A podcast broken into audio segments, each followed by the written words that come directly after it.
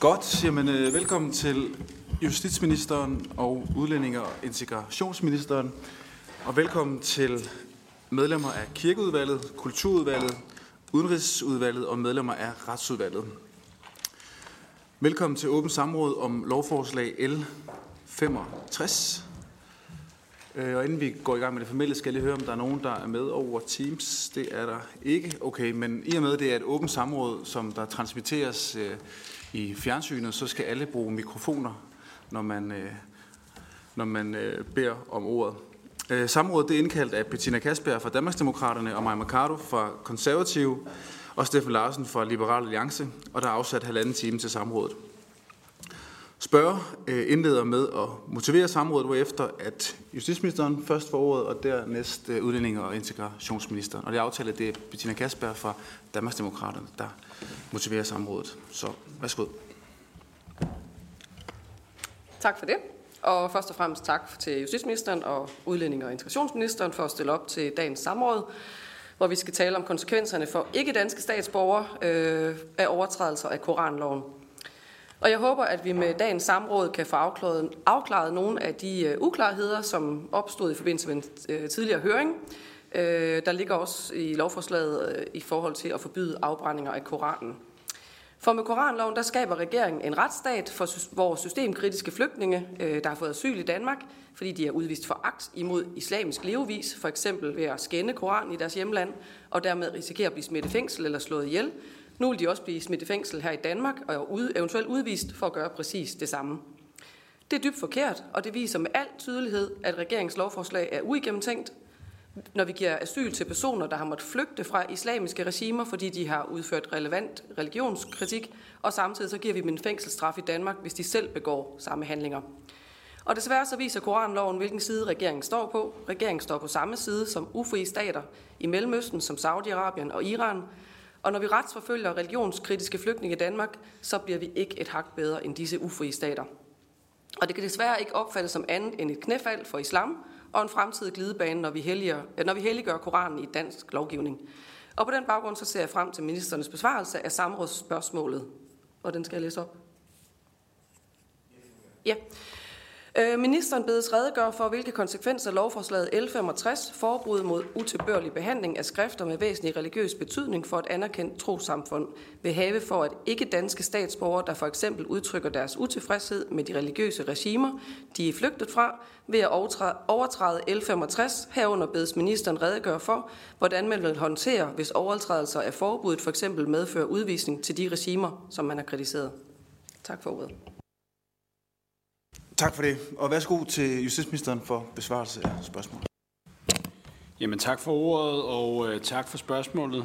Det er jo et øh, lovforslag, som allerede har været genstand for meget debat, og jeg har også respekt for, at der er forskellige meninger om lovforslaget, ligesom jeg også anerkender, at forslaget berører flere væsentlige hensyn, hvor der i sidste ende skal foretages en politisk afvejning. Spørgsmålet omhandler for en stor del et emne, der hedrører under udlændinge- og integrationsministeren. Jeg vil derfor efterfølgende overlade ord til ham, og han vil redegøre nærmere for konsekvenserne i forhold til udlændingeområdet. Regeringen har fra start været meget bevidst om, at forslaget berører flere væsentlige hensyn, og derfor har vi foreslået et afgrænset indgreb, der ikke ændrer ved, at der fortsat vil være meget hvide rammer for ytringsfriheden i Danmark. For regeringen handler lovforslaget først og fremmest om at værne om danskernes sikkerhed. Som bekendt har den seneste tids koranopbrændinger betydet, at Danmark i store dele af verden i stigende grad ses som et land, der faciliterer forhåndelse og nedgørelse af andre lande og religioner. Rigspolitiet har oplyst, at der fra den 21. juli 2023 til og med den 21. november 2023 har været anmeldt ikke mindre end 526 demonstrationer med bog- og eller flagafbrændinger i Danmark. Samtidig har politiets efterretningstjeneste PET oplyst, at den seneste tids koranopbrændinger har haft betydning for det aktuelle trusselsbillede, og at terrortruslen mod Danmark er skærpet inden for det i forvejen høje niveau. Derudover har vi for nylig set angreb i både Frankrig og Belgien, som for mig at se understreger, at terrortruslen skal tages alvorligt.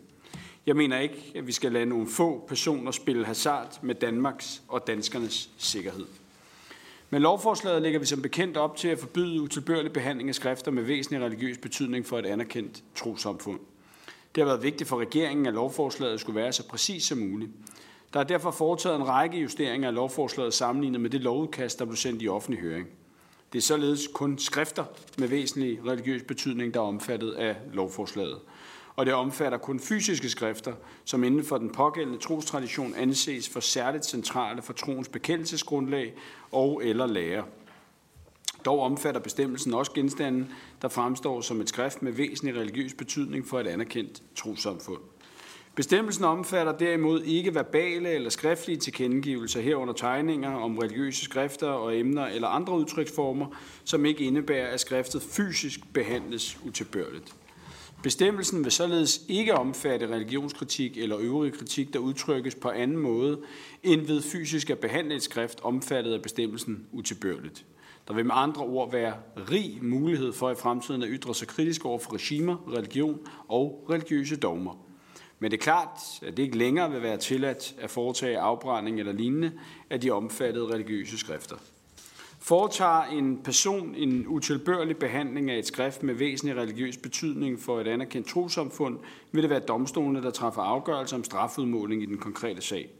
Indledningsvis er det vigtigt at slå fast, at det ikke har betydning for strafudmålingen, om lovovertrædelsen er foretaget af en dansk statsborger eller udenlandsstatsborger.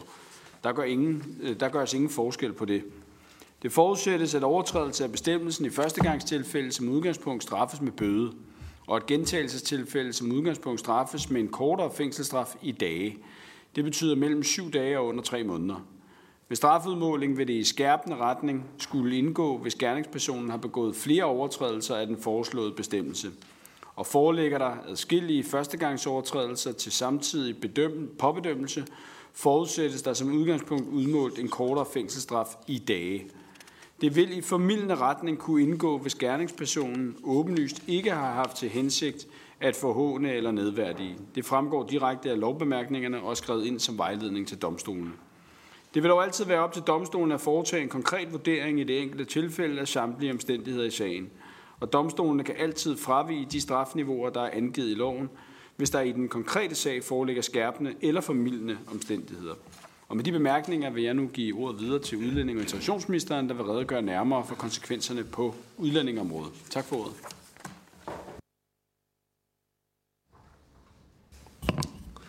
Tak for det, øhm, og tak for indkaldelsen her til samrådet. Helt generelt så gælder det, at når man vælger at kriminalisere noget nyt, kan det som en afledt konsekvens også have indvirkning på andre områder, herunder også på udlændingområdet. Det er også tilfældet med den foreslåede bestemmelse, og den skal ses i sammenhæng med udlændingelovens regler om udvisning og med de særlige regler om konsekvenserne af, at en udlænding har begået kriminalitet, når han eller hun søger om en opholdstilladelse i Danmark, for eksempel om asyl. Det er de såkaldte udelukkelsesregler. Jeg vil starte med at sige noget om udvisning, og så vender jeg tilbage til udelukkelsesreglerne efterfølgende. Helt overordnet er udlændingelovens regler om udvisning ved dom bygget op om en såkaldt trappestigemodel, der indebærer, at betingelserne for udvisning skærpes i takt med varigheden af udlændingens ophold i Danmark og hvor langt fængselsstraf der er tale om. Trappestigmodellen er dog suppleret regler, der udvider adgangen til udvisning i en række bestemte former for kriminalitet, og i de tilfælde er der adgang til udvisning uanset varigheden af udlændingens ophold i Danmark og længden af de idømte fængselsstraf. Den foreslåede bestemmelse om forbud mod utilbørlig behandling af skrifter vil blive omfattet af den udvidede udvisningsadgang. Men det er vigtigt at understrege, at domstolen altid skal foretage en konkret vurdering af, om der skal ske udvisning, eller om en udvisning med sikkerhed vil være i strid med Danmarks internationale forpligtelser. Og i denne vurdering indgår blandt andet kriminalitetens art og grovhed, og dermed også længden af en idømte fængselsstraf. Hertil vil jeg bemærke, at det kun er udlænding med lovlig ophold i Danmark i mindre end de sidste fem år, der vil kunne udvises med en betinget fængselsstraf. For udlænding med lovlig ophold i mere end fem år skal der være tale om en ubetinget fængselsstraf og domstolene kan slet ikke udvise en udlænding, så frem der alene idømmes en bødestraf for overtrædelse af en pågældende bestemmelse, uanset hvor lang tids ophold den pågældende har haft i Danmark. Så vil jeg vende mig til asylreglerne og den særlige, øh, de særlige regler om udelukkelse fra at få eller beholde en asylopholdstilladelse, hvis man har begået kriminalitet. I den forbindelse er det vigtigt at understrege indledningsvis, at et konkrete asylsager herunder spørgsmålet om udelukkelse i Danmark behandles af udlændingemyndighederne uafhængigt af det politiske niveau. Det er i første instans øh, Udlændingsstyrelsen og i anden instans Flygtningenævnet, som er et uafhængigt domstolslignende organ, som træffer afgørelsen. Herfra bliver det en smule teknisk, men jeg skal prøve at give en redegørelse her. Spørgsmålet om udelukkelse kan opstå i forbindelse med både flygtninge og asylansøgere. Der kan for det første være tale om en flygtning, det vil sige en udlænding, der allerede har en asylopholdstilladelse i Danmark, bliver udvist ved dom for et strafbart forhold. I en sådan situation bortfalder asylopholdstilladelsen, og udlænding har som udgangspunkt pligt til at udrejse. Hvis udlænding ikke frivilligt udrejser, skal udlændingemyndigheden tage stilling til, om vedkommende skal udsendes med tvang. En udlænding kan dog ikke udsendes tvangsmæssigt, hvis det vil være i strid med det såkaldte refoulementsforbud.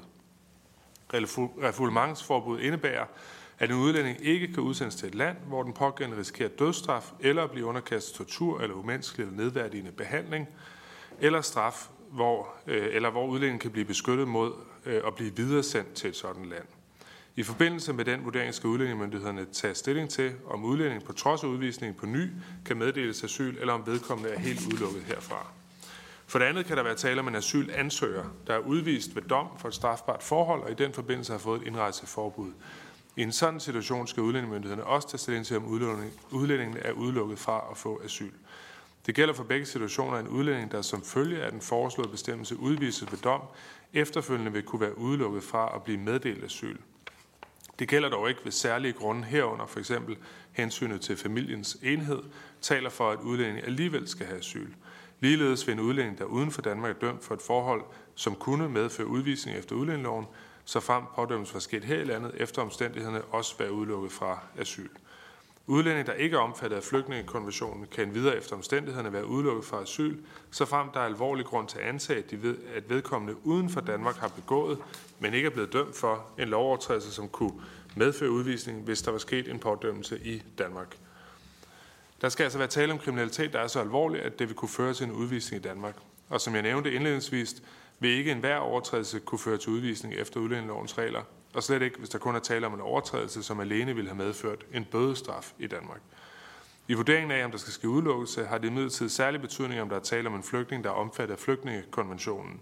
Det er afgørende for, om flygtninge er omfattet af flygtningekonventionen, og ikke blot den europæiske menneskerettighedsdomstol er, om risikoen for overgreb skyldes de særlige grunde, der er nævnt i konventionen, som er race, religion, nationalitet, tilhørsforhold eller en særlig social gruppe eller politiske anskuelser. En udlænding, der har en konflikt med myndigheden i sit hjemland på grund af afbrænding af en koran, og som på baggrund heraf vurderes at være i risiko for asylbegrundet overgreb ved en tilbagevenden, må som udgangspunkt antages at være omfattet af flygtningekonventionen. Dette skyldes at konflikt med hjemlandets eller det tidligere opholdslands myndigheder umiddelbart må formodes at være af politisk eller religiøs karakter. Det vi i forbindelse med vurderingen af, om en person skal udelukkes, altid skulle foretages en proportionalitetsvurdering, hvor udlændingemyndighederne blandt andet kigger på forbrydelsens karakter og længden af nidømte frihedsstraf. For udlændinge omfattet af flygtningekonventionen skal denne vurdering imidlertid foretages i overensstemmelse med konventionen, og det betyder, at der alene kan ske udløvelse, hvis den pågældende efter en endelig dom for en særlig farlig forbrydelse må betragtes som en fare for samfundet. Der skal derfor være tale om en lovovertrædelse, som giver en forholdsvis lang straf. Som justitsministeren har redegjort for, så forudsættes det, at overtrædelse af bestemmelsen i førstegangstilfælde må som udgangspunkt straffes med bøde, og i gentagelsestilfælde som udgangspunkt forudsættes udmålt en kortere fængselsstraf i dage. En fængselsstraf i dage vil ikke umiddelbart føre til udelukkelse fra asyl for en person, der er omfattet af flygtningekonventionen. Dette vil dog altid være en konkret og individuel vurdering, der i sidste ende skal foretages af flygtningenevnet. Skulle flygtningenevnet træffe afgørelse om, at en udlænding er udelukket fra at få asyl i Danmark, vil den pågældende ikke kunne udsendes tvangsmæssigt af Danmark, og den vil i stedet, eller vedkommende vil i stedet blive henvist til øh, det, man kalder tålt øh, ophold. Jeg er opmærksom på øh, selvfølgelig, at det er lidt teoretisk, og der er også mange vurderinger involveret, men jeg håber, at øh, det giver lidt mere overblik over, øh, hvordan bestemmelsen i straffeloven og udlændingelovens regler øh, spiller sammen i den her sag. Tak for ordet. Tak til øh, ministerne. Der åbnes nu op for øh, spørgsmål fra medlemmerne, og øh, I må meget gerne, i og med at vi har to øh, ministre med, øh, sige, hvem det er, I retter spørgsmålet øh, til. Den første spørger er Maja Mercado for Konservativ. Jo, tak. Og også øh, tak for talerne til begge ministerne. Der er noget paradoxalt over, at man som politisk flygtning kan stå i en situation, hvor man flygter fra et land, fordi at ens menneskerettigheder bliver undertrykt, ens basale frihedsrettigheder bliver undertrykt, for så at flygte til et land, der kalder sig et vestligt demokrati med frihedsrettigheder og menneskerettigheder, hvor man så kan udøve sin ytringsfrihed ved eksempelvis at udstille en kritik øh, af islam, og så ende med at blive udvist fra selv samme demokratiske vestlige land. Det vil jeg gerne have begge ministres øh, til i første omgang.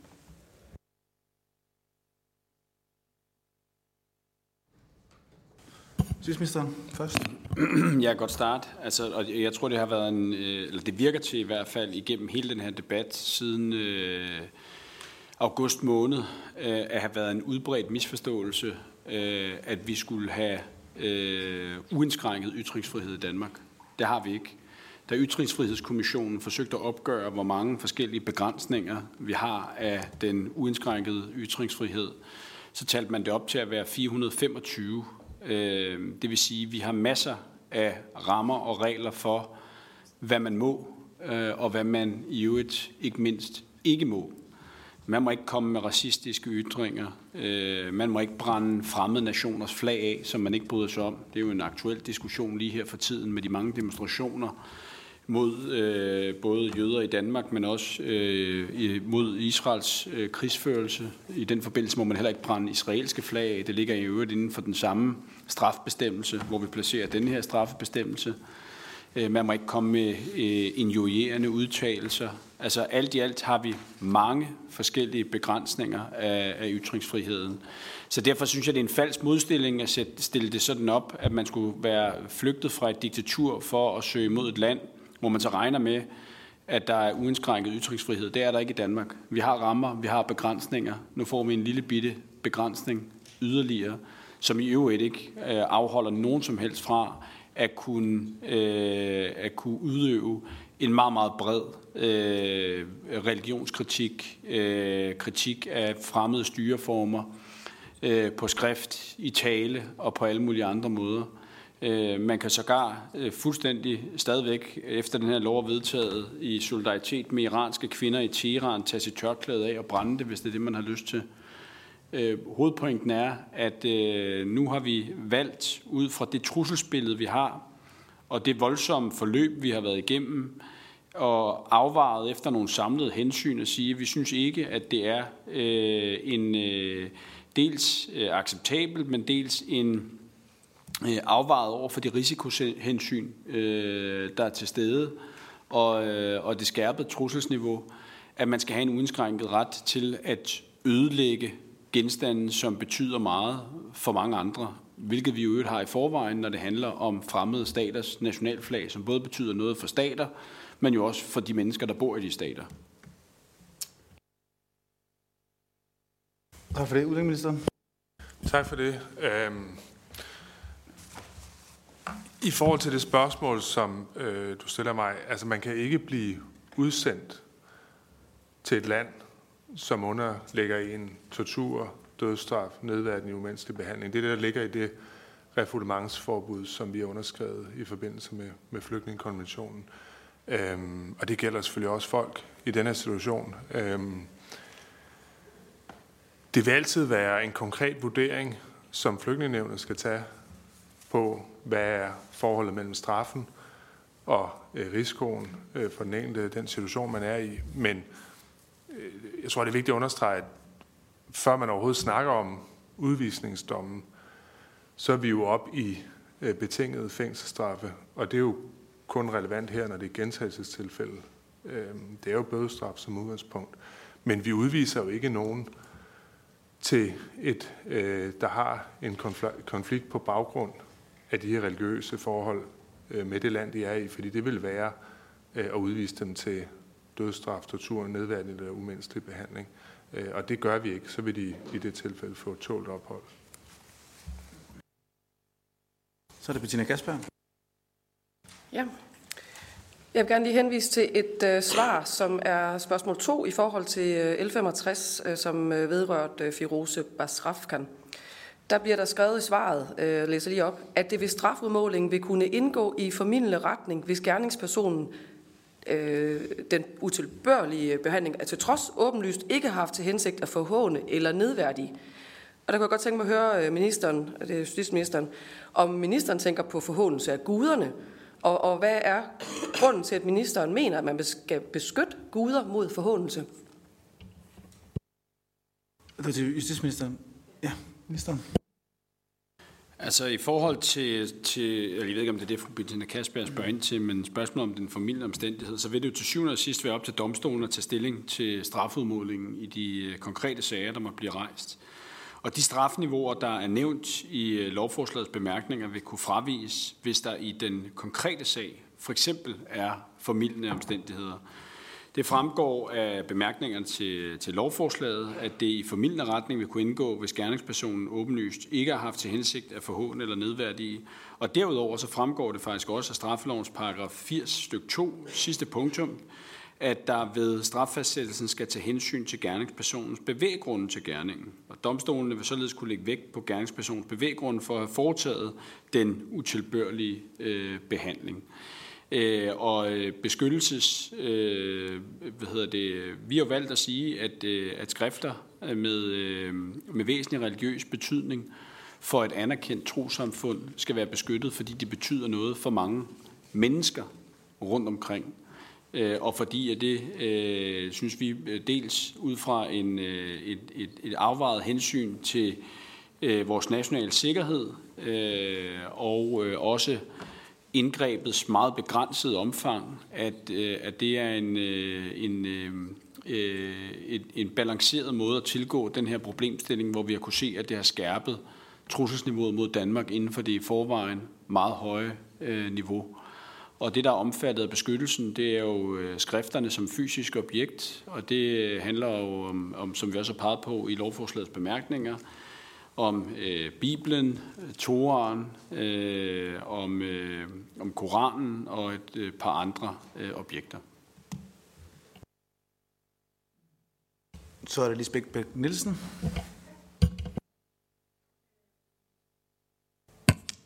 Er justitsministeren bekendt med et eneste eksempel fra retspraksis fra den europæiske menneskerettighedsdomstol, hvor en eller flere personer i dem fængselsstraf alene for ytringer, der har karakter af blasfemi øh, eller religionsforhundelse.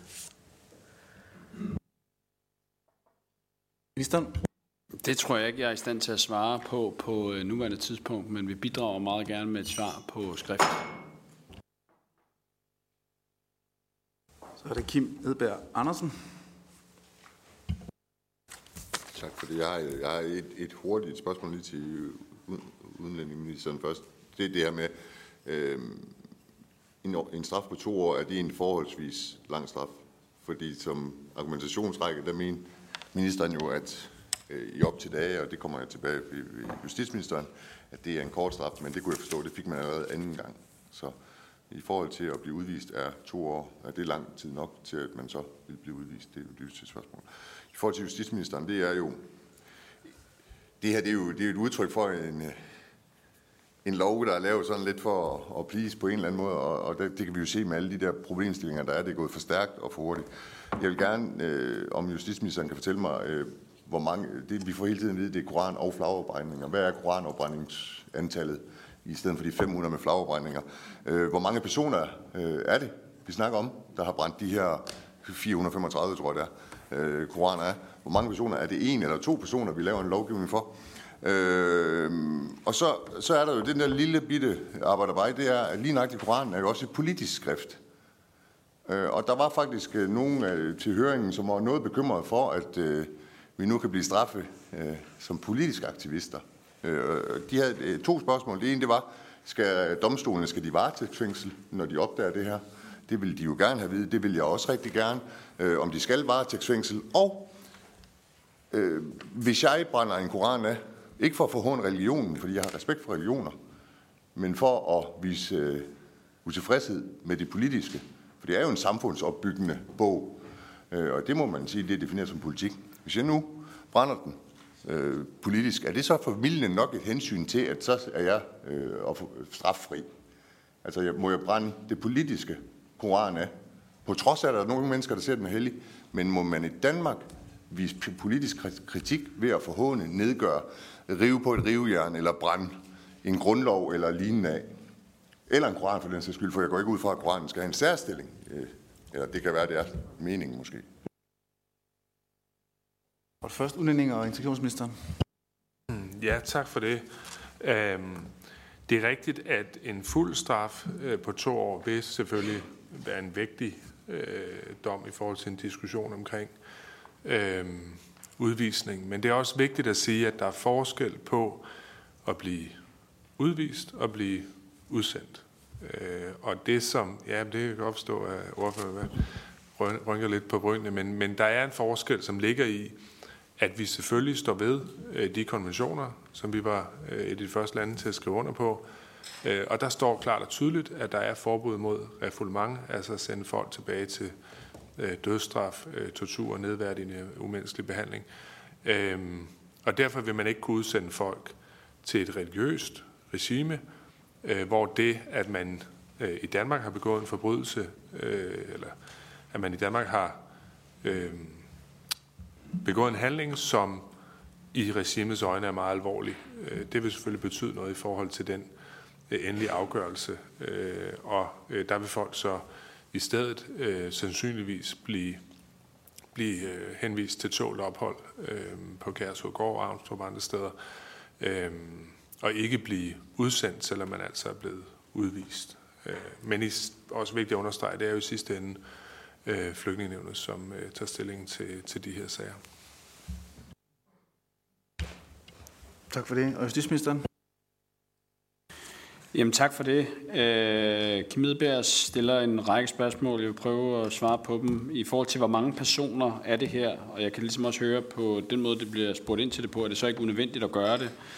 Øh, vi har i spørgsmål nummer 50 fra Folketingets retsudvalg oversendt et svar, hvor det faktisk er angivet, at, og der skriver vi, at det er en enkelt person, der har anmeldt klart de fleste demonstrationer, men syv øvrige personer også har anmeldt en række øh, af de her demonstrationer med, øh, med bog- eller flagafbrændinger. Øh, Øh, og det vil i hvert fald sige, at den måde, vi har talt op på, der kan vi jo tælle til otte personer. Og det bekræfter mig jo egentlig i, at det her det er et, et meget indskrænket indgreb, øh, nærmest kirurgisk præcist, fordi det antager sig et så begrænset og lille omfang øh, ude i den virkelige verden.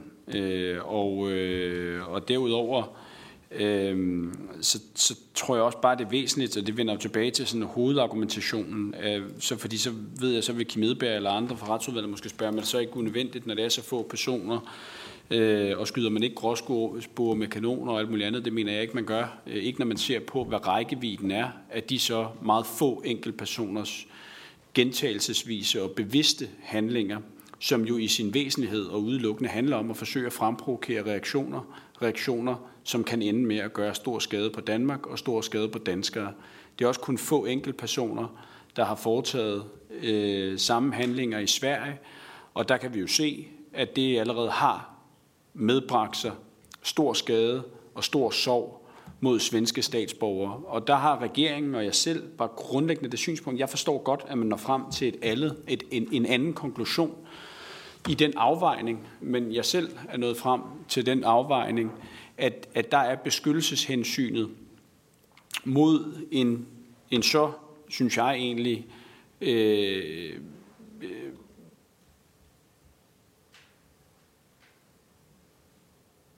skadelig handling, øh, som så få personer så bevidst gentagelsesvist anretter, hver at beskytte over for den risiko, det som medfører for alle os andre for alle os andre, som bevæger os rundt i det offentlige rum, for, for alle os andre, som på den ene eller anden måde passer vores liv.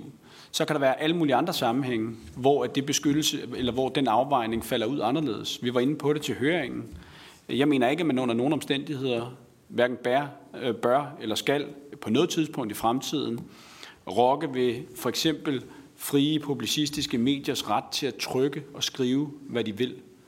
Og det er nok også fordi, at jeg øh, betror mig måske i endnu højere grad, end, øh, og hvilket måske kommer bag på nogen, øh, end, end, end, andre, end de borgerlige partier, til en, en sådan grundviansk tilgang til vores demokrati.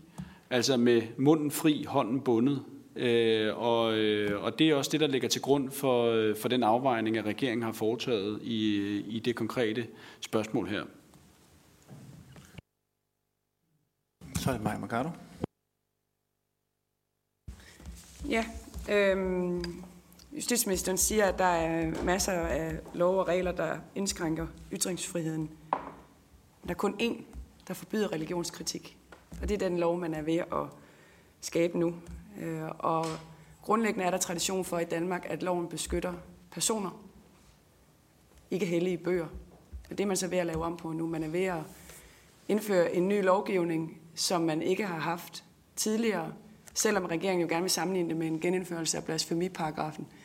En paragraf, som blev til i 1866, er blevet brugt to gange senest i 1942, 43 og ikke siden, fordi man ikke i Danmark har tradition for at straffe religionskritik. Og det ændrer man så på nu, fordi at målet helliger midlet. I stedet for bare at bruge politiloven til at tage sig af de få, få personer, som lige nu udgør et problem.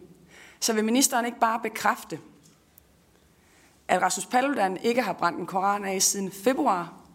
Det er jo virkelig lidt købt, fordi det blev allerede bekræftet under høringen i sidste uge. Og at den person, som har forestået 80% af afbrændingerne, faktisk er stoppet med det. Så vil ministeren ikke i første omgang bekræfte det? Og også give et par ord med på vejen, om det virkelig kan være rigtigt, at man indstifter en ny retspraksis med at indføre en lov, som kriminaliserer religionskritik, som man altså ikke tidligere har haft praksis for. Og så til, øh, til udlændinge- og integrationsministeren, så vil jeg bare spørge, fordi han siger, at man kan ikke udvises til regimer, hvor ens liv er i fare. Hvordan afgør man det? Altså, hvornår er man i fare? Hvornår afgør man, om et regime er religiøst? Så jeg vil bare spørge sådan åbent, altså vil kritik af islam og udvisning til et land med en majoritet af muslimer, så betyder, at man ikke bliver udvist. Kan, kan ministeren garantere det? Eller hvor meget skal vi op ad stigen, før at øh, ens liv bliver i fare? Justitsminister. Jamen, øh, tak for det. Øh, der er flere ting. Øh, for det første så indfører vi jo ikke med den her øh, lovbestemmelse et, et forbud mod religionskritik. Vi indfører et forbud mod, at man brænder øh, eller ødelægger øh, hellige skrifter med væsentlig betydning for et anerkendt trosamfund. Altså religionskritik er i vid, vid, vid udstrækning og har meget hvide rammer i øvrigt. Øh, så så, så det, det er i hvert fald en misforståelse, hvis man, øh, hvis man mener det. Øh, derudover øh, så er, øh, er der jo masser, øh, altså så er der jo andre eksempler også, i øvrigt i samme bestemmelse, altså straffelovens paragraf 110 lille e, øh, hvor at øh, man også beskytter genstanden. Altså for eksempel, vi har et for, forbud mod flagerbrænding af hensyn til mennesker, nemlig statens sikkerhed. Og det er med præcis samme indgangsvinkel, at vi gør det her. Fordi vi kan se, at det øger trusselsbilledet. Øh, og man skal ikke længere væk ind til den episode, der foregik i Belgien, hvor det jo også er de belgiske myndigheders klare øh, analyse og bevisning, at det trækker tråde til de koranopbrændinger, der er fundet sted i Sverige. Jeg har respekt for, at man når frem til en anden konklusion, end den regeringen når frem til. Men, øh, men, men, øh, men regeringen vælger altså at placere sig et andet sted af hensyn til danskernes sikkerhed. Og så er, der, så er der nogle ting, jeg har lidt vanskeligt ved at forstå i den nuværende situation. Jeg har i hvert fald hørt adskillige partier øh, ønske sig i den offentlige debat måske endda endnu strammere lovgivning og strammere beskyttelse for ytringer, der bliver sagt i forbindelse med de demonstrationer øh, med videre, der finder sted øh, for tiden i protest over øh, konflikten i Mellemøsten. I øvrigt synspunkter, jeg langt hen ad vejen deler, og det er også derfor, at vi selvfølgelig kigger på alle mulige ledere og kanter, også på myndighedernes øh, forfølgelse af, af sagerne. Øh, men, men hvis man bare lige vender det rundt, altså der kan du samtidig sige, at har det, er det beskyttelsesværdigt? Øh, Øh, øh, lægger man ikke bånd på ytringsfriheden i den sammenhæng? Og jeg mener, det er vigtigt, at man som samfund markerer, at der er nogle røde linjer for, hvad vi mener, at man kan, bør øh, øh, både sige og gøre af hensyn til, til fællesskabet og øh, af hensyn til, til, til sammenhængskraften og i øvrigt også til vores sikkerhed. Udlænding og integrationsministeren. Ja, tak for det. Øhm, der bliver spurgt til, øh, hvordan man afgør, om folk er i fare. Det er jo øh, en todelt øh, proces, altså hvor man på den ene side har øh, en række baggrundsrapporter på hver enkelt land, øh, som både er lavet af danske myndigheder, men også typisk er lavet af øh, sammenlignelige lande. Det kunne være svenske, britiske myndigheder. Vi har typisk også EU-myndigheders øh, øh, vurdering af sikkerhedssituationen i de enkelte lande. Det er det, som flygtningenevnet Øh, ligger lægger til grund for, hvad er situationen i det land. Det er, det er højt specialiseret øh, indsigt i øh, de faktiske omstændigheder, der hvor, hvor folk bliver udsendt til, fordi vi selvfølgelig ikke er interesseret i, at vi overtræder de konventioner, som vi har tiltrådt, og som blandt andet siger, at man må ikke udsende folk til de vilkår, som jeg har beskrevet tidligere, altså tortur, dødsstraf, umenneskelig og nedværdigende behandling. Det er den ene side af det. Den anden side af det er selvfølgelig en vurdering af den enkelte persons øh, situation, øh, deres baggrund, hvad er det for en type af kriminalitet, man har begået, øh, hvordan øh, rammer det i forhold til, til det land, som man kommer ned i.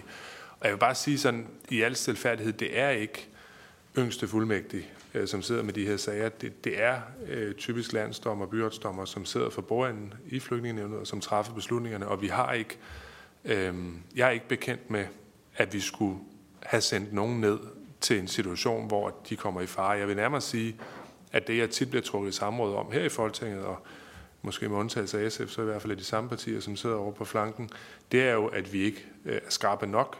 Altså, at vi burde sende flere hjem, end hvad vi sender hjem. Og der kan jeg så sige her, øh, der vender ligningen jo så rigtigt i forhold til, at vi har et forsigtighedsprincip, øh, og selvfølgelig ikke sender folk hjem til en situation, hvor de kan være i fare. Øhm, hvis man taler om et land som Iran for eksempel, øh, som selvfølgelig er øh, religiøst styret, øh, så er man meget påpasselig med at udsende folk. I det hele taget er det svært at udsende folk til Iran, også af mange andre årsager end det her. Og så bliver der efterspurgt en garanti på, om man kan være helt sikker på ikke at udsende eller udvise folk til et land, hvor en majoritet af befolkningen er muslimer. Øh, og den garanti kan jeg, kan jeg ikke give. Øhm, jeg mener også, der eksisterer en række muslimske lande, øhm, som ikke har en praksis med at straffe folk for nogle af de her ting. Altså, jeg er ikke 100% inde i for eksempel den straffelov, der gælder i Bosnien og Herzegovina eller Albanien eller andre lande, men, men jeg ved det i hvert fald, at der er andre af de leveregler, som man praktiserer i islam, for eksempel omkring alkohol, som man ikke øh, tager så alvorligt i de lande, selvom man har et muslimsk befolkningsflertal. Uh, så uh, det kan jeg ikke give som garanti. Der kan sagtens være lande, som har muslimsk befolkningsflertal, men som ikke bygger deres lovgivning på, på religiøse principper, som ikke kommer til at udsætte folk for nedværdigende umenneskelig behandling, hvis man sætter dem tilbage uh, til dem. Så er det Peter Kofod.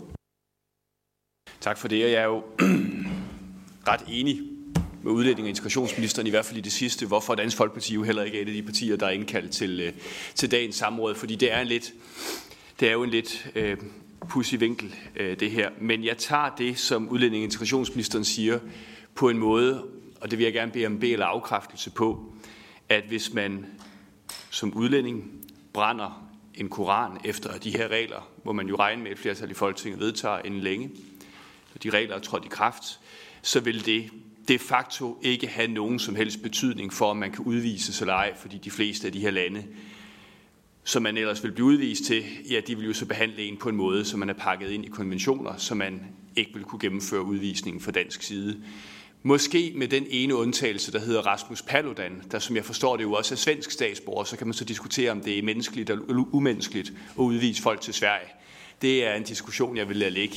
Øhm, men det, jeg gerne vil spørge om, fordi udlænding og integrationsministeren kan jo bede eller afkræfte det, jeg lige sagde, men det, jeg gerne vil spørge om, det er noget, som øh, justitsministeren fik nævnt øh, i kanten af sit svar øh, før, og hvis formanden vil tillade det, det relaterer til den høring, som retsudvalget havde, hvor Jakob Holtermann, der var øh, lektor i retsfilosofi ved Københavns Universitet, talte om kalifatets veto. Og jeg synes egentlig, det var interessant, fordi hvis nogle af de pointer, som han fremhævede med kalifatets veto, på nogen måde er rigtige, frygter man så ikke, kan man så ikke frygte, at vi i virkeligheden putter os selv i en farligere og en mere udsat position ved at gennemføre de her regler? For de onde mennesker, der vil os det dårligt ude i verden, med det her lovforslag får blod på tanden til at kræve mere, true os hårdere, presse os mere, fordi de ved, at der nu findes et flertal i Folketinget, der har slået et hul i diget, og så fosser det. Så det vil jeg spørge justitsministeren om, er det ikke en diskussion eller en afvejning, man har haft i regeringen, at det her i virkeligheden kan have den helt modsatte effekt. For jeg betvivler ikke, at regeringen gør det her, fordi man er bange, eller at man håber, at det kan øh, afbøde nogle konsekvenser for Danmark, men at det kan have den modsatte effekt. Jeg ved ikke, om formanden vil tillade spørgsmål, eller ministeren vil svare. Jeg ved, det er lidt i kanten af samrådet. Tak. Nu er formanden ved at være i julehumør, så han lader den gå øh, denne gang, og jeg ved, at ministeren også gerne vil svare på spørgsmålet, men bare sådan i respekt for os for dem, der er indkaldt til samrådet, og det samrådsspørgsmål, der er stillet, så vil jeg foreslå, at vi resten af samrådet holder os inden for, for rammen af, af det, der er indkaldt til her. Og det her det er en lille bitte smule ud over det, men øh, med ministeren. Jamen, jeg, jeg skal forsøge. Øh, altså, jeg, jeg, jeg, var, jeg deltog ikke i den del af høringen, så jeg hørte ikke det oplæg, så jeg er heller ikke helt med på, hvad der måske ligger i, øh, i, øh, i begrebet kalifatets veto osv., men jeg kan prøve at gætte mig til det. Og så vil jeg svare afkræftende nej. Øh, regeringen øh, frygter ikke, at det her det bliver til en glidebane, eller hvad der ellers har været fremme i, øh, i debatten. Det her det er en konkret afvejning på baggrund af et konkret trusselsbillede, på baggrund af et konkret adfærdsmønster fra nogle få enkeltpersoner, som vi har set igennem øh, noget tid, og som så jo desværre også er lykkedes med at fremprovokere den type af reaktioner, som kan ende med at gøre umådelig skade på, øh, på Danmark og, øh, og danskerne. Og, og det indgreb, vi foretager her, tror jeg nærmere, man skal se som, at det er vores mulighed. Det har været efterspurgt fra en række andre partier, om ikke man kunne gøre det på alle mulige andre måder, og bruge politiloven osv., som, som efter min og vores bedste overbevisning ville være et bredere indgreb, end det regeringen faktisk har lagt op til det er den måde, vi kan inden for, øh, for, øh, for grundlovens rammer og den øh, højesteretspraksis, der er omkring, at, øh, at skulle bryde en forsamling op, kræver, at der skal være et, øh, et kontroltab øh, i øh, situationen. Fordi man, man kan må stille sig selv spørgsmålet, hvad er det, der gør, at man i langt de fleste andre, både europæiske og vestlige lande, hvor man i øvrigt også har en meget, meget aktiv religionskritik, hvor man i øvrigt også har masser af sammenstød, i øvrigt også med øh, islams øh, traditioner og øh, religionstolkning øh, osv. Hvorfor er det, man der ikke har de her gentagelsesvise øh, koranafbrændinger? Jamen det har man jo, fordi at man i en lang række af de andre lande har nogle andre øh, og eksisterende muligheder for at, øh, at gribe ind. Øh, det har man eksempelvis i, øh, i Frankrig, men også i andre lande. Og det her det er vores mulighed for at sige, vi, vi, vi mener ud fra en samlet afvejning af de hensyn, der er på spil, navnligt hensyn til danskernes sikkerhed, at, øh, at det så fokuseret indgreb her, øh, og mener vi, at det er rigtigt at gøre. Vi mener jo også, at det ligger i direkte forlængelse af den eksisterende bestemmelse i 110 lille e. Godt. Så er det... Ja, værsgo. Nej, det var bare, jeg synes, det var også måske rigtigt lige at svare på det, som, som, øh, som øh, Peter Kofod øh, stillede spørgsmål om. Altså, i forhold til Paludan, man kan jo ikke blive udvist, hvis man er dansk statsborger. Øh, det, det er sådan grundlæggende. Og man kan, hvis man har fået statsborgerskab gennem naturalisation, kan man jo godt på nogle meget grove paragrafer fratage folk det statsborgerskab, og så udvise dem. Men selv der er det jo også tit svært at få sendt folk ud, fordi det er jo ikke sikkert, at det land, det, hvor det andet statsborgerskab hører til i, at de, det kan være, at vedkommende aldrig har boet der. Så, så det, er, øh, det, det er svært at komme ind til. Men altså, i forhold til, om folk øh, bare kan brænde noget af, og så blive her, det er jo det, der bliver spurgt til. Altså, det er jo rigtigt. Det, jeg tror ikke nødvendigvis, at en tilværelse på tål ophold på Kærshovedgård er noget, man sådan vil se frem til, eller ønske sig øh, i, i særlig vid udstrækning. Jeg vil også sige generelt set, synes jeg, nu ved jeg godt, at det her det er en særlig debat, og jeg har ikke været med til de andre samråd og høringer osv., men generelt på udlændingområdet vil jeg sige, hvis man er flygtning i Danmark, allerede har overtrådt den gældende lovgivning,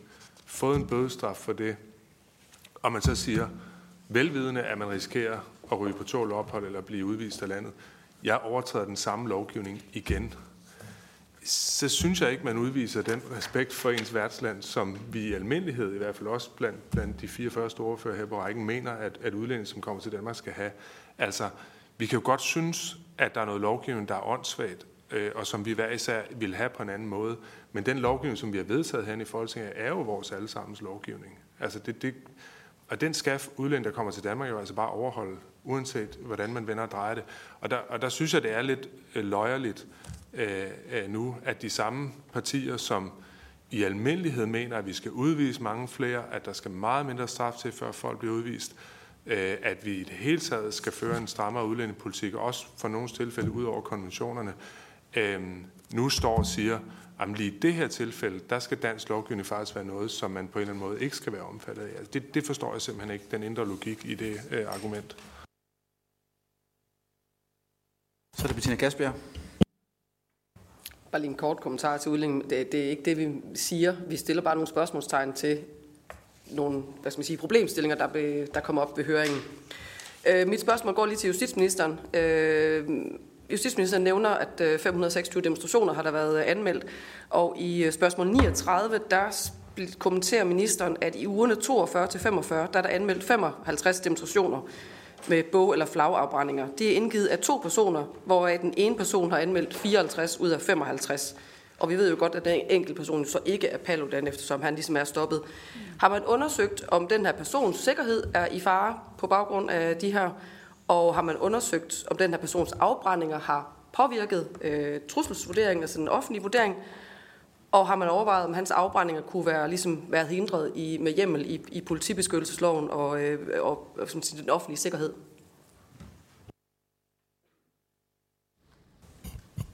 Tak for det. Så er det ministeren. Jamen, øh, kort fortalt, øh, netop det svar, der bliver refereret til, bekræfter mig jo i, i endnu videre udstrækning, at, at, øh, at der med det her lovindgreb er tale om et meget kirurgisk, præcist indgreb, fordi det understreger jo endnu en gang, at, øh, at ude i virkeligheden angår det meget, meget få øh, enkeltpersoner. Man skal så bare ikke tage fejl af, at de få enkeltpersoners handlinger, som vi så det i sensommeren, og kan konstatere, ved det skærpede trusselsbillede, vi lever i nu, øh, kan også have vidtrækkende konsekvenser, og det er selvfølgelig derfor, vi foretager indgrebet. Men, men, øh, men, men det, at, at vi er nede, så at sige, på to personer i, øh, i, i ugerne øh, omkring efterårsferien og lidt efter, øh, begrænser mig kun i øh, den kirurgiske præcision i, øh, i indgrebet her. Øh, og så til spørgsmålet, altså grundlæggende så er det jo, øh, det er jo både politiets og PET's opgave at foretage en konkret vurdering på, øh, på enkelte personer. Og jeg har sådan set fuld tillid til, at, øh, at, øh, at PET selvfølgelig vurderer, i hvilket omfang der foreligger konkrete trusler på, øh, på, øh, på enkeltpersoner. personer. Og jeg ved også, at politiet fra gang til gang vurderer, om en anmeldt demonstration vil føre til en forstyrrelse af den offentlige orden, og de så af den årsag kan øh, bruge hjemlen i politiloven. Men det, der har været udfordringen med en lang række af de øh, koranafbrændinger, vi har set, og det tror jeg siger jo også noget om danskernes sådan almindelige manglende forståelse for det, øh, og, øh, er jo, at, øh, at det ikke fører til en, en stor forstyrrelse af den offentlige orden i situationen. Og det er også derfor, at politiloven ikke kan anvendes. Og skulle man udvide politiloven til, at man skulle kunne gribe ind af hensyn til reaktioner mange hundrede kilometer væk eller tusind kilometer væk, så vil det jo være en meget bred hjem, eller meget bredere end det, som regeringen egentlig lægger op til. Tak for det. Øh, inden vi går videre, så bare lige en opfordring igen. Vi bevæger os øh, meget langt ud fra det, som det samråd, som, som spørgeren har indkaldt til, handler om. Og derfor vil jeg bare opfordre til, at man holder sig inden for samrådsrammen, og ellers så også bare sige til ministerne, at nu er det jo minister, der, der er gode til at, at svare på spørgsmål, og også gerne gøre det, men også at man I har mulighed for også ikke at, at svare på de spørgsmål, som ligger meget langt uden for, for det, som det her handler om.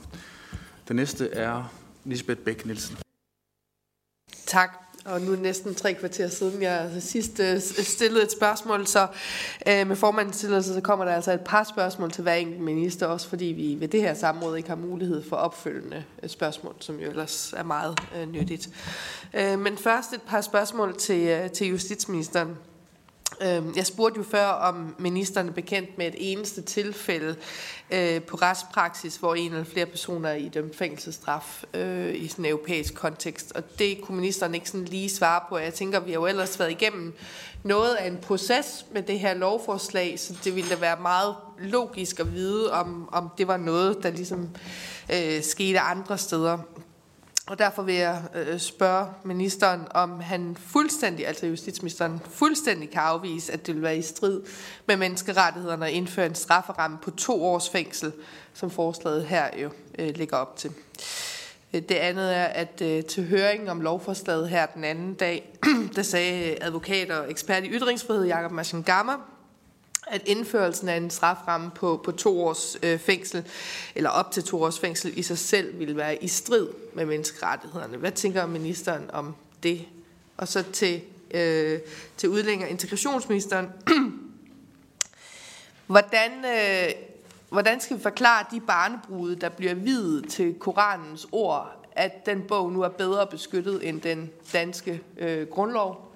Øh, og hvad skal vi sige til de øh, samfundsfagslærer, som har øh, elever, der, øh, der argumenterer, fordi dem findes der jo desværre nogen af, argumenterer imod det danske demokrati og henviser til Koranen, at den nu er bedre beskyttet end den danske grundlov. Tak for det. Justitsministeren. Jamen, øh, først og fremmest, øh, jeg har faktisk øh, oversendt et svar på det, som øh, fru Lisbeth Bæk spørger ind til i spørgsmål 5 fra Folketingets øh, retsudvalg.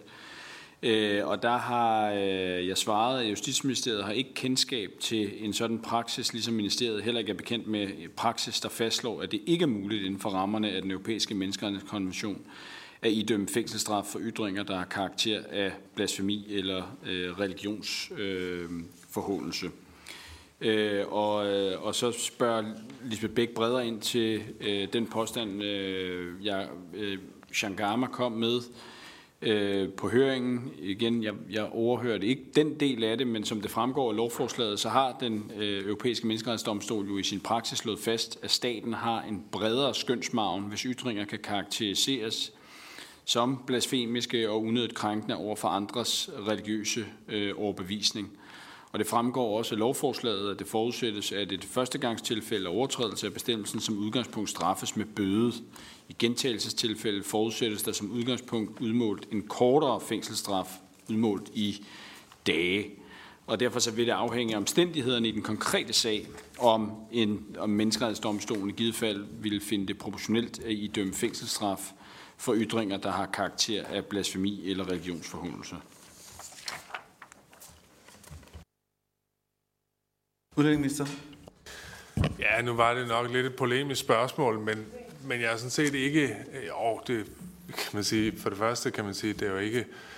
Jeg har jo ikke ansvar for hverken skolelærer eller for øh, folk, der udøver religiøse aktiviteter, men jeg vil sige det sådan, at det er polemisk sagt, fordi det vi bare skal være klar over, det er, at alt, hvad der foregår herinde i Folketinget, er jo en beskyttelse af vores grundlov. Alle de politibetjente, alle de militære personer, alle de øh, institutioner, som vores samfund arbejder efter, er jo en stor beskyttelse af vores grundlov og dens ord. Så det er jo noget øh, polemisk morsomt, men helt usagligt øh, at påstå, at Koranen skulle være bedre beskyttet end vores grundlov. Vi går ikke rundt med våben og beskytter vores grundlov, men den dag, at en domstols ord ikke bliver efterlevet, så har vi jo et voldsmonopol, der i sidste ende skal sørge for, at grundloven og dens regler bliver overholdt, som så omsætter sig i en masse detaljlovgivning. Så vi har hele den danske politistyrke, hele det danske militær til at beskytte øh, vores grundlov, øh, plus en masse andre myndighedspersoner. Øh, og, det, øh, og det er jo det, som, som det her hus også øh, skal udøve. Så jeg synes, det er øh, en lidt, øh, lidt for polemisk udlægning øh, af denne her øh, diskussion. Så er det Kim Edberg Andersen. Men det meste er faktisk, at jeg venter på svar på det, jeg stillede øh, spørgsmål om allerførst. Koranen er en politisk bog, øh, på lige fod med, at det er en religiøs bog. Og, og, og problemstillingen er jo, at øh, hvis ikke at man må være uenig politisk med det, der øh, danner samfundsnormer nogle steder. Vi har nævnt en kalifater, religiøse stater. Alene det, det, det underbygger jo, at det er en politisk bog. Øhm, så er det jo politisk kritik også, vi nu gør ulovligt. Øh, og det blev der faktisk også stillet spørgsmål om, og, og der er to spørgsmål i det. Et, er Koranen, hvis jeg brænder den, i politisk, fordi jeg er uenig, hvad den står for politisk, ikke religiøs. Jeg kan sagtens have stor respekt for, hvad buddhister, hinduister og muslimer og alt muligt tror på. Deres religion, det, det er deres sag. Sådan er jeg jo, for jeg bor i et land, hvor at, øh, de to ting de er adskilt. Men det er det ikke altid. Så er Koranen også en politisk bog, og bliver ja, det straffri, vil det være straffrit for mig, hvis jeg brænder den af, fordi jeg er uenig med den politik, den står for. Fordi hvorfor skal man, hvis man synes, den er religiøs, så have, have særstilling til det? Så det vil jeg gerne have svar på. Så manglede jeg også at få svar på, om, for, for det vidste dommerne ikke, skal de varetægtsfængsel? Folk, der bliver taget i at lave forhåndelse, som det er, skal de varetægtsfængsel? Og, og så, den, så var der jo den der, og så, så bare en kommentar til udlændingeministeren. Det er dejligt, at vi fremover kan forvente, at man får udvisning, hvis man har fået en bødestraf, og derefter laver en overtrædelse igen. For det var det, ministeren sagde. Og det er, i Nyborg er vi jo glade for, at ministeren har tænkt sig at gøre det. Det er jeg ikke sikker på, at fru Lisbeth Bæk hun øh, har samme Men det er dejligt, at ministeren er kommet til, at bødestraf, det er rammen nu. To gange bøde, så er det ud af vagten. Tak for det. Eller var det måske polemisk fra ministeren? Det var i hvert fald uden for øh, samrådsspørgsmålet, øh, det der blev spurgt om. Og derfor så, øh, justitsministeren har sagt ja til at svare på, på spørgsmålet, der kom fra, fra Kamedberg, og det vil udenrigsministeren også gerne. Men øh, ellers så har vi fire spørger mere på, og bare en opfordring til, at de fire spørgsmål så holder sig inden for rammen, og ellers så tror jeg, at man benytter sig af lejligheden til at sige, at ministeren ikke skal, skal svare på det, sådan, så vi også kan komme videre, og måske der er nogle spørgsmål, der har relevant for det, som øh, samrådet er indkaldet til. Så først justitsministeren. Øh, bare øh, kort. Altså det, som Kim Edberg beskriver, det er jo i udgangspunktet øh, allerede i dag øh, øh tilstanden i vores straflovgivning. Hvis hr. Kim Edberg øh, sammen med en lang række af, af de demonstranter, der mødes næsten hver eller hver anden dag, stiller sig op og brænder et israelsk flag af. Et flag er også politisk. Det er en genstand, der er politisk. Hvis hr. Kim Edberg gør det, så vil det i udgangspunktet være ulovligt efter straffelovens paragraf 110 lille e, fordi det må man ikke i den straffelovsbestemmelse. Og det er den straffelovsbestemmelse, vi nu foreslår at udvide til også at beskytte øh, religiøse skrifter med væsentlig betydning for et anerkendt trosamfund. Så blev der spurgt ind til, om man kan blive varetægtsfængslet for overtrædelse af forbuddet. Altså det er jo en dommer, der vurderer, om, øh, om der er grundlag for at varetægtsfængsle den sigtede. Og varetægtsfængsling kan kun ske, hvis der er øh, begrundet mistanke om, at den sigtede har gjort noget strafbart, som har en straframme på minimum et år og seks måneders fængsel, og det samtidig ventes, at straffen i det konkrete tilfælde vil blive over 30 dages fængsel. Derudover skal der være risiko for, at den sigtede flygter, eller vil begå nye lovovertrædelser, eller vil forhindre opklaring af sagen ved at slette spor, eller påvirke vidner og medgerningsmænd. Desuden så skal varetægtsfængsling være proportionelt i det konkrete tilfælde. Så altså helt principielt vil der således godt kunne ske varetægtsfængsling, men det må nok forventes kun at være relevant i ganske, ganske særlige tilfælde. Og udlændingeministeren? Ja, nej, jeg bliver nødt til at gentage noget af det, som jeg sagde til at starte med. Altså, det er altid en konkret og individuel vurdering, der afgør den enkelte sag i eksempelvis flygtningenævnet, øh, om man kan få øh, asyl, om man mister øh, den mulighed. Altså, øh, Øh, og derfor så er der ikke noget, der hedder, og det har jeg heller ikke sagt her på samrådet i dag, at man skal have en bøde, og så ryger man ud anden gang. Jeg sagde, at selv hvis det er i det tilfælde, altså selv hvis du er i en situation, hvor du først får en bødestraf, for eksempel i brandkoran, og så efterfølgende går ned og gør det igen, så får en så høj straf, så det betyder, at du får eksempelvis udvisning, hvad der stadig vil bero på en individuel vurdering, og i de fleste tilfælde også være usandsynligt. Selv der vil jeg have lov til at sige til bare sådan generelt, at hvis du kommer til et fremmed land, som giver dig ophold, fordi du er på flugt, og du så siger, de love, der gælder i det fremmede land, dem er jeg ligeglad med. Går ned og brænder en koran af, velvidende, at man ikke må det. Får en bøde, velvidende, at man ikke må det efterfølgende siger, nu går jeg ned og gør det igen, så mener jeg, man også, altså, så mener jeg også, at man grundlæggende ikke har respekt for det værtsland, som man er i. Og det er et princip, som jeg ved, at Kim Edberg Andersen i andre sammenhæng øh, står meget øh, solidt på, at folk skal respektere den lovgivning, der gælder her i landet. Og derfor forestiller jeg mig sådan set også, at Kim Edberg Andersen mener, at det gælder i det her tilfælde. Men generelt set er det altid en individuel vurdering, om man kan udsende folk, udvise folk, om der er en mulighed for, øh, ja, og hvad for en straf, øh, der skal til, øh, for at det er nok til øh, at, kunne, at kunne udvise dem ved dom. Øh, det er ikke noget, vi kan sætte på, øh, på formel. Så er det mig, Mercado. Altså, jeg har det altid sådan lidt stramt, når en socialdemokratisk udvalgsformand sådan, gerne sådan meget hårdt vil styre øh, et samråd, øh, når de spørgsmål, der kommer, egentlig er opfølgninger på det, som øh, socialdemokratiske ministre så selv øh, siger. Øhm, og jeg vil bare øh, fremhæve en enkelt ting. Øh, en undersøgelse fra øh, Justitsministeriet, som øh, siger, at 76 procent af de muslimer, som blev interviewet, mener, at det skal være ulovligt kritiserer islam. Det er en undersøgelse fra 2020. Og derfor så ja, spørgsmålet var jo relevant for SF, fordi at den her lov jo betyder, at Koranen kommer til at nyde større beskyttelse end grundloven. Man vil stille spørgsmål, og så må man jo øh, sige, om det ligger udenfor. Men det er i forhold til det, øh, udlænding- og integrationsministeren selv var inde på. Så det er en opfølgning øh, på hans udtalelser, nemlig at hvis man bliver idømt en straf, så er det fordi, man ikke udviser den fornødende respekt.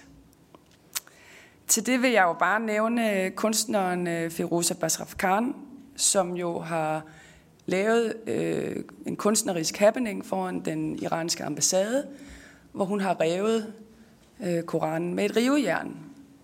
Det har hun gjort, fordi at det har været en vigtig manifestation at rive Koranens ord i stykker. Derfor så kan man ikke tale sig ind i en lignende manifestation eller en øh, lignende kunstinstallation. For hende, som et kunstnerisk udtryk, var det vigtigt, at Koranen blev revet, fordi ordene skulle rives over. Det vil fremover ikke være lovligt.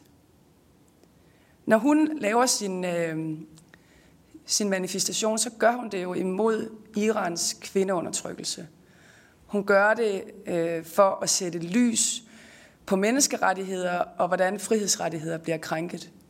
Så jeg vil egentlig bare stille det spørgsmål, hvorfor det fremover skal være mere legitimt at brænde et tørklæde af som kvinde fra Iran, end at rive en koran. Men nu kunne Maja Mercado jo, hvis hun gerne vil stille alle mulige andre spørgsmål til ministeren, i stedet for at sidde og kritisere den vikarierende øh, formand i stolen her, så kunne man jo have stillet spørgsmål, der handlede om de ting til et samråd, i stedet for at spørge om alle mulige andre ting. Og det er derfor, at formanden benytter sig af det, der er helt normal praksis, nemlig at opfordre medlemmerne til at holde sig inden for det, som vi diskuterer her i øh, samrådet. Og da det her falder uden for samrådsspørgsmålet, så tænker jeg, at vi øh, fortsætter, som jeg har opfordret til en del gange, og også øh, gentaget adskillige gange. Og derfor er det næste spørger Bettina Kasper. Tak for det. Nu har øh, blandt andet i hvert fald justitsministeren øh, udtalt flere gange, eller understreget, at ytringsfriheden er en af de vigtigste værdier, vi har. Øh, og den skal have hvide rammer, og øh, samtidig med, så ønsker regeringen så at indskrænke den ytringsfrihed, særligt måske for flygtninge, der kommer hertil fra islamiske regimer. Så for eksempel en homoseksuel, der kommer hertil, øh, fordi han, er, han eller hun er flygtet, øh, fordi det er ulovligt ifølge Koranen at være homoseksuel, så vil man hellere beskytte den, det skrift, hvor det i det står, end at beskytte den udlænding, der er flygtet hertil for at, hvad skal man sige, ellers så vil vedkommende blive slået ihjel. Det kunne jeg bare godt tænke mig at forstå, hvorfor man hellere vil beskytte en koran, frem for at beskytte det menneske, der flygter, fordi ellers bliver man slået ihjel, fordi man har en anden seksuel overbevisning.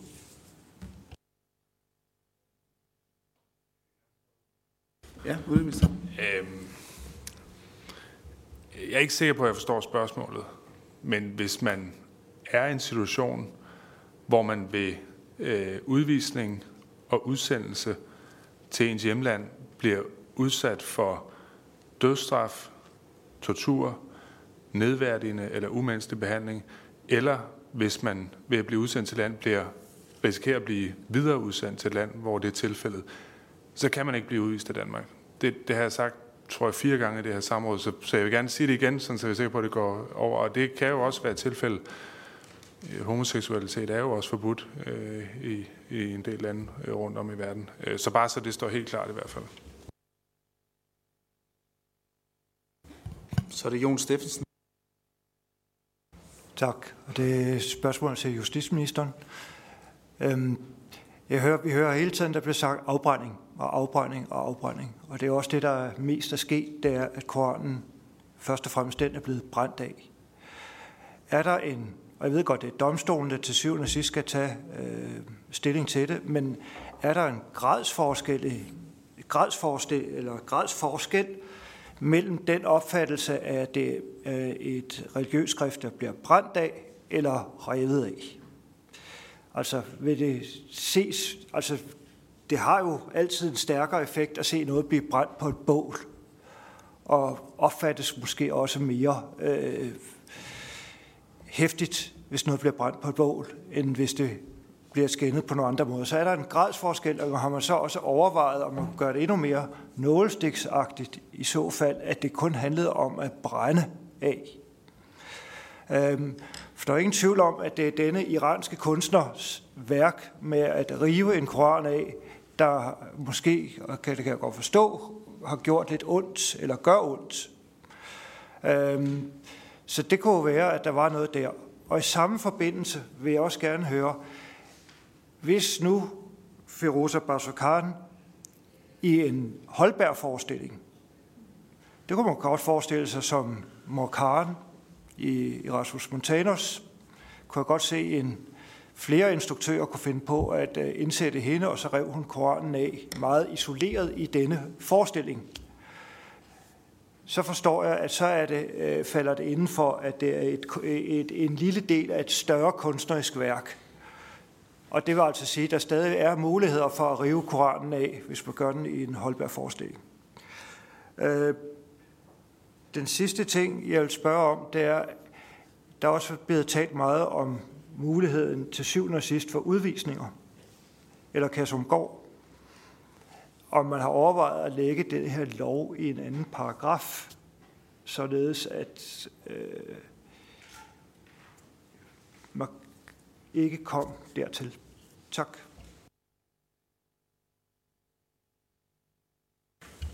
Udenrigsministeren. Det kan være, at justitsministeren vil svare først. Øh, I forhold til, nu kommer det til at ligge i paragraf 12, og det betyder selvfølgelig, at det er en relativt skarp øh, ramme, der er rundt om det. Øh, det er jo Justitsministeriet, der har lavet øh, den overordnede lovgivning, og man kunne måske have lagt det andre steder, men det ville ikke sådan fundamentalt have ændret på øh, rammerne. Det ville måske kunne have været øh, noget blødere i forhold til udvisningen, end det er nu, men, men i, i hovedtræk øh, og i den endelige vurdering, som flygtningenevnet skulle, skulle kunne lave, der, der er det efter vores vurdering ikke det, som, som sådan er allermest afgørende øh, i forhold til det. Men det er klart, det havde været en blødere øh, strafferamme, hvis man havde lagt det øh, i, eller konsekvens i forhold til det udlændingemæssige, hvis man havde lagt det i en anden paragraf. Justitsministeren. Ja, og bare i forlængelse af det, øh, også som svar på spørgsmålet, det er jo et bevidst valg, at vi har placeret øh, bestemmelsen der, fordi det er også der, vi synes, det passer bedst ind. Øh, hele ophænget til denne diskussion, det handler om statens sikkerhed, om danskernes sikkerhed. Det er derfor, den er placeret i kapitel 12.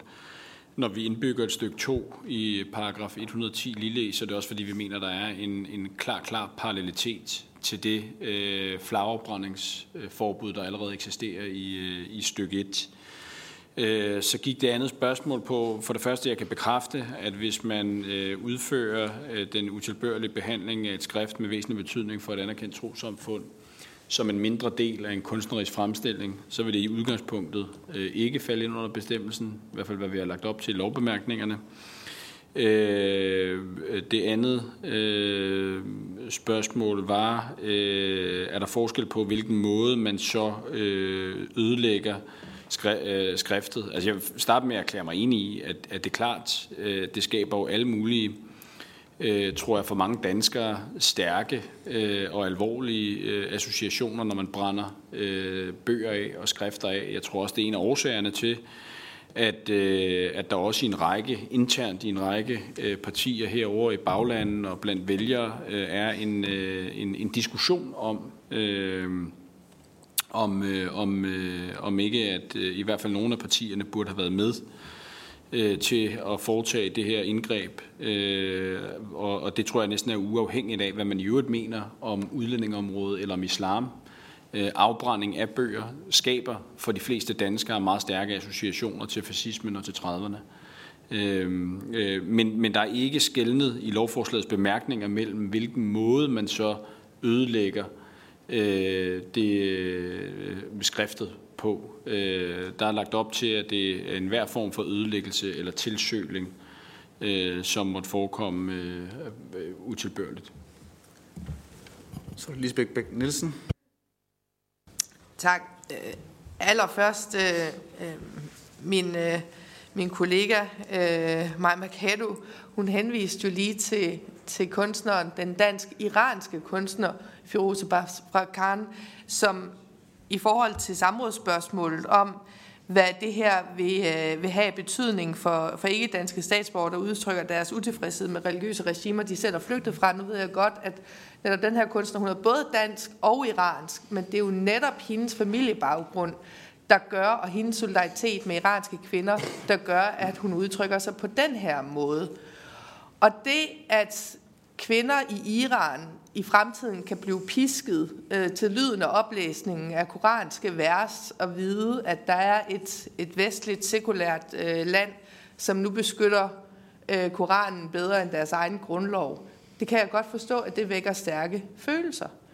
Øhm, og i forhold til, hvad, hvad udlænding- og integrationsministeren sagde før, om det var polemisk, når man netop, som, som jeres regering vil, vil beskytte det symbolske i, at, at øh, Koranen øh, ikke længere må blive brugt til en ytring, fordi det er en ytring øh, at være utilbørlig med en bog, øh, så, øh, så er det selvfølgelig at beskytte den symbolik bedre end symbolikken i for eksempel en kopi af vores grundlov. Selvfølgelig er det det. Og selvfølgelig er det også en ytring. Altså det mener alle andre eksperter end, end de eksperter, der sidder i, øh, i regeringen. Øhm, jeg spurgte til den tekniske gennemgang justitsministeren øh, om, øh, hvad der definerede utilbørlig behandling, fordi at det her bacon-spørgsmål har været oppe. Og der fik jeg at vide, at det handlede ikke om symbolikken i bacon, altså at der i mange muslimske lande bliver en gris betragtet som, som uren. Det var simpelthen det, at den fedtede øh, bogen til. Så stillede jeg et skriftligt spørgsmål, som man selvfølgelig godt kan gøre sig morsom over, men når man kan komme i fængsel for noget, bliver man jo nødt til at vide, hvad man kan komme i fængsel for. Nemlig, om man måtte pakke en bacon, øh, eller pakke en koran ind i bacon, hvis bacon var i sin indpakning. Og jeg kunne godt se, at justitsministeren og nu også udlænding- og integrationsministeren trækker på smilebånden, fordi hvorfor spørger man om sådan noget fjollet noget? Men det gør man jo selvfølgelig, fordi det ikke er en nulstiksoperation. Der er ikke klarhed over det her. Hvis nogen vil være utilbørlig med Koranen og pakke den ind i, øh, i noget bacon, så bliver man da nødt til at vide, om det er det, det handler om. Øhm, nå, jeg vil gerne øh, øh, spørge øh, justitsministeren, om det ikke er utilfredsstillende, at man henviser til, at man må skabe præcedens ved domstolene for at kunne vide, om indpakket bacon er utilbørligt eller ej. Altså at man ikke kan svare på det på forhånd. Øhm, og så vil jeg gerne spørge udlænding- og integrationsministeren om, hvad han mener om, at flere fra Charlie Hebdo har, øh, har kritiseret det her meget, om nogen, øh, altså, der har betalt prisen for det her. Otte dræbte på en avis øh, en satireavis, og de siger, det er simpelthen så usolidarisk det her, man er i ledetog med nogle af de værste regimer, når man ikke længere vil stå op for ytringsfriheden. Otte ansatte ved Charlie Hebdo blev myrdet, inklusiv en muslimsk vagt, som havde valgt at være vagt der hos dem, fordi han delte deres værdier. Og nu siger de, at i den danske regering lægger et umenneskeligt pres på andre lande, heriblandt Frankrig, for ikke længere at stå op øh, for øh, demokratiske værdier og ytringsfriheden. Gør det ikke indtryk? når det kommer, specielt når det kommer fra Charlie Hebdo-folkene. Godt, tak for det. Der var også en del spørgsmål, der igen faldt øh, en del ud fra det, men da justitsministeren eksplicit har bedt om at svare på spørgsmålet, så får han selvfølgelig lov til det, og det samme må ministeren jo også markere, hvis han lyst til at svare på det. Yes. Justitsministeren. Jamen, øh, flere ting. Øh, jeg synes, det er fair spørgsmål. Der er ikke noget usædvanligt ved, at hverken en, øh, den til enhver tid siddende minister eller at ministeriet ikke kan svare udtømmende på alle tænkelige scenarier, hver gang man indfører nye bestemmelser i straffeloven, hvordan det vil falde ud ved domstolene. Og jeg synes sådan set, der er øh, klarhed. Øh, Øh, med utilbørligt, så menes der, at man ødelægger noget, tilsøler noget. Vi skriver i lovforslaget bemærkninger, som for eksempel at øh, trampe på, sparke til osv.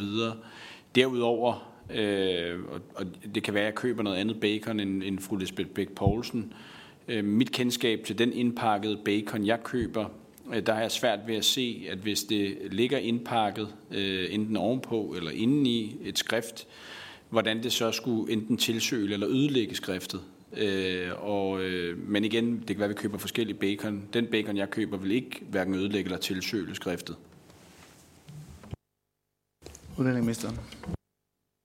Øh, ja, øh, der bliver spurgt til en del ting, som ikke øh, som sådan har noget at gøre med det, jeg sidder og laver øh, til daglig. Men jeg vil sige generelt, hvis, øh, eller mit ressort, at hvis SF er meget ærgerlig over, at de her værdier trives i Danmark og andre steder, så forstår jeg ikke, hvorfor man altid stemmer imod de stramninger, som vi laver af udlændinge, hvor mange der kommer til landet, som har de her værdier. Altså hvis det virkelig ligger så meget, som det tydeligvis gør hos Lisbeth Bæk Nielsen på sinde, hvorfor vil man så åbne for flere? Hvorfor ønsker man en mere liberal, lempelig udlændingepolitik? Det, det kan jeg ikke få til at hænge sammen. Altså når vi nu er ude øh, på overdrevet af, hvad der, øh, hvad der bliver diskuteret øh, på det her samråd. Øh.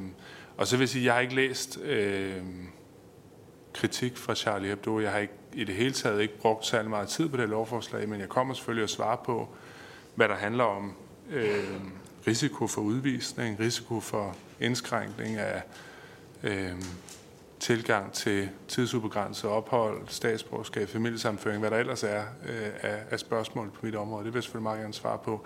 Men sådan den generelle store diskussion omkring grænserne for det lovforslag, altså jeg ved det simpelthen ikke. Øh, det er ikke noget, jeg sidder og arbejder med. Så er det Maja Carlo. Jeg har et spørgsmål til justitsministeren og to til udlænding og integrationsministeren, men jeg sad og var egentlig sådan lige ved at hisse mig lidt op, øh, fordi i 13 år har jeg faktisk aldrig prøvet at blive afskåret fra at stille et spørgsmål, som var direkte en opfølgning på det, der blev sagt fra en minister.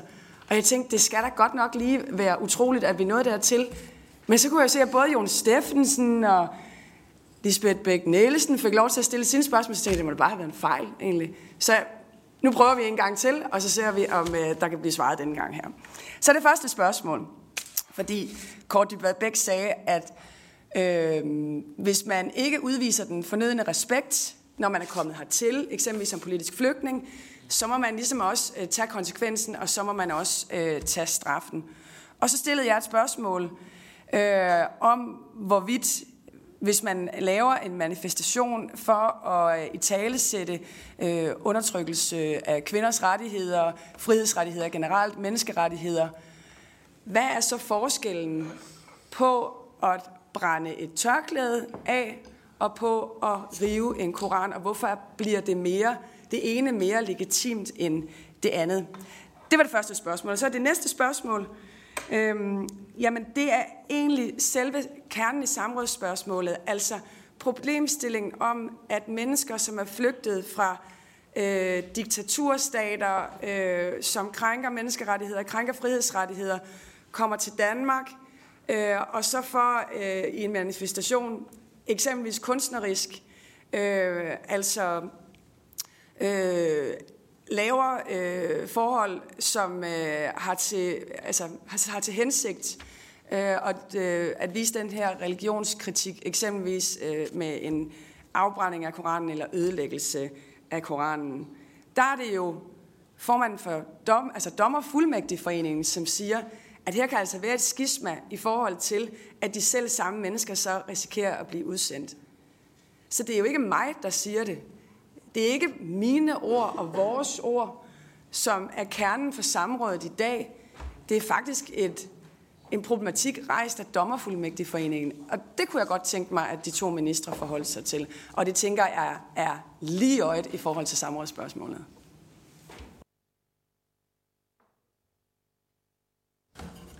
Udlændingeminister.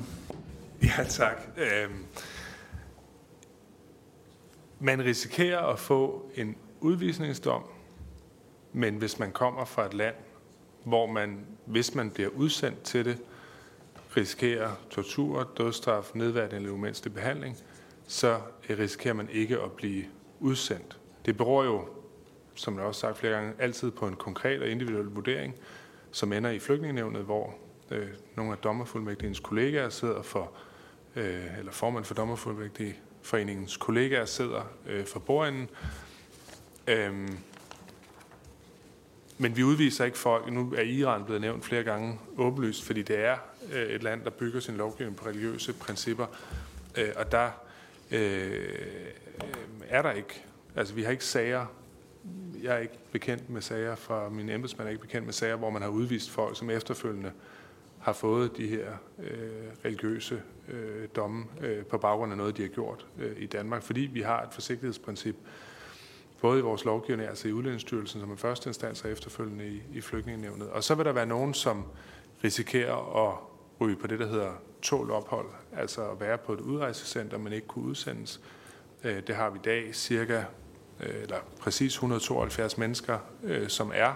Det, langt de fleste af dem har ikke noget at gøre med religiøse diskussioner. Det er jo øh, typisk øh, de mere sådan klassiske straffelovsovertrædelser, som, som er i spil. Øh, og de vil så skulle bo på, på eksempelvis Kærsudgård eller, eller Avnstrup, øh, som er de to største centre. Men jeg synes bare, det er vigtigt at sige i den her sammenhæng, at før man kommer derhen, altså så skal man først, først have overtrådt det en gang og fået en bøde, så skal man overtræde det igen, og så er spørgsmålet, man får anden gang. Det er der lidt forskellige opfattelser af, men, men man skal i hvert fald som udgangspunkt gøre den samme forbrydelse to gange, øh, blive dømt for det. Øhm, og selv der øh, Øh, vil det være usandsynligt, at, at det vil være konsekvensen, men, men det kan hypotetisk være tilfældet. Og der synes jeg bare, at det er værd at tage med i diskussionen, at man kan jo synes, at dele af den danske lovgivning er dårlig. Altså man kan også godt synes, at kokain skulle være frit. Men selvom man synes det, så synes man jo ikke, at, at udlændinge skal have lov til straffrit at handle og tage øh, kokain. Altså, så selvom vi er uenige i en del af den danske lovgivning, så står vi jo stadig samlet set i Folketinget, det er i hvert fald min opfattelse, på det meget, meget stærke princip, at udlændinge, der kommer til landet, skal, gælde den, eller skal overholde den lovgivning, der gælder øh, til, til enhver tid. Øhm, og så forstår jeg godt selvfølgelig, at grunden til, at vi diskuterer det, er, fordi man så er ved at vedtage noget lovgivning, som spørgerne er uenige i, og, og det er jo en vigtig del af vores demokratiske lovgivningsproces, men, men bare for at sige, øh, vi står ikke i en situation, hvor at folk kommer til at blive sendt til Teheran øh, for, at have, øh, for at have brændt øh, en koran af, for eksempel. Altså, det er ikke situationen. Det betyder ikke, at det nødvendigvis er en meget behagelig tilværelse, man får, hvis man ender for eksempel på Kærsudgård. Øh, det, det vil jeg ikke sige umiddelbart, men, men, øh, men øh, der er ikke nogen, der bliver udsendt til, til religiøse regimer, som øh, hvis de risikerer øh, refoulement, altså at, at blive udsat for tortur, dødsstraf, nedværende umenneskelig behandling. Justitsministeren. Men jeg, jeg tror ikke, jeg kan svare andet end, at det er jo et, øh, et afvejet hensyn. Øh, altså, øh, det har været afbrænding af koraner, som har været med til at skærpe øh, terrortruslen mod Danmark inden for det i forvejen øh, forhøjet niveau og, øh, og ikke alt muligt andet. Og vi har ønsket, at det her skulle være et øh, så præcist øh, indgreb som overhovedet muligt. Øh, og det, det synes jeg, vi lykkes med. Godt, tiden er meget fremskreden, og der er øh, Bettina Kasper, og så får Maja Mercado mod for at, at runde af. Ja, men øh, jeg tror, mit øh, sidste spørgsmål blev misforstået, for det var faktisk henvendt til justitsministeren i forhold til, hvis man nu som homoseksuel flygtning kommer herop, og det man selvfølgelig flygtet, fordi at man ikke øh, har mulighed for at, at udleve den seksualitet i det land, man kommer fra, så forstår jeg ikke, hvorfor det er, at vi ønsker at beskytte det religiøse skrift højere end den flygtning, der er kommet herop og ønsker at ytre sig kritisk. Det var det, mit spørgsmål gik på. Jeg tror, det blev misforstået af integrations- eller udlændingeministeren. Minister. Jamen, jeg, jeg er stadig ikke sikker på, at jeg forstår spørgsmålet, fordi hvis det er, at man øh, som, som homoseksuel udlænding er kommet hertil for at få beskyttelse, fordi man ikke kan udleve sin, sin seksualitet, så får man jo beskyttelse til at udleve sin, sin seksualitet, og man får i øvrigt også beskyttelse til at kunne udøve religionskritik på alle mulige ledere og kanter, med undtagelse af at brænde hellige skrifter med væsentlig betydning for et religiøst, anerkendt religiøst samfund af. Ellers så må man jo på alle tænkelige måder udøve sin ytringskritik eller ytringsfrihed til at øh, dyrke religionskritik. Så er det mig, Mercado, for en overordning. Jo, først og fremmest tak for at komme og besvare alle spørgsmål øh, her i dag. Det er en, en stor fornøjelse. Øhm, jeg synes ikke, vi nødvendigvis kom tættere på kernen, fordi når både Dommerfuldmægtigforeningen, men også øh, Amnesty International i deres høringssvar rejser den bekymring og den problematik, at øh, personer, som kommer hertil, øh, flygtende, rejsende fra øh, regimer, som øh, knægter og krænker øh, menneskerettigheder, frihedsrettigheder, øh, kvinders rettigheder, øh, og som så øh, i, en, øh, i en demonstration øh, for øh, kvinderettigheder og imod kvindeundertrykkelse ønsker at sende det meget klare signal, øh, og derved altså potentielt nu lader sig kriminalisere, og dermed risikerer at blive øh, udvist til selv samme hjemlande, så, øh, så synes jeg, jeg er i hvert fald ikke betrykket af de svar, øh, der er kommet, og hæfter mig bare ved, at det er vægtige organisationer, som øh, løfter den problematik. Det er ikke en kritik rejst øh, fra politisk side. Det er faktisk en kritik, der blev rejst på den høring, vi havde indkaldt til øh, i sidste uge. Men tak for at møde frem og svare på spørgsmålene. Ja, og vi selvfølgelig også bare lige på vejen udvalget sige tak til ministerne.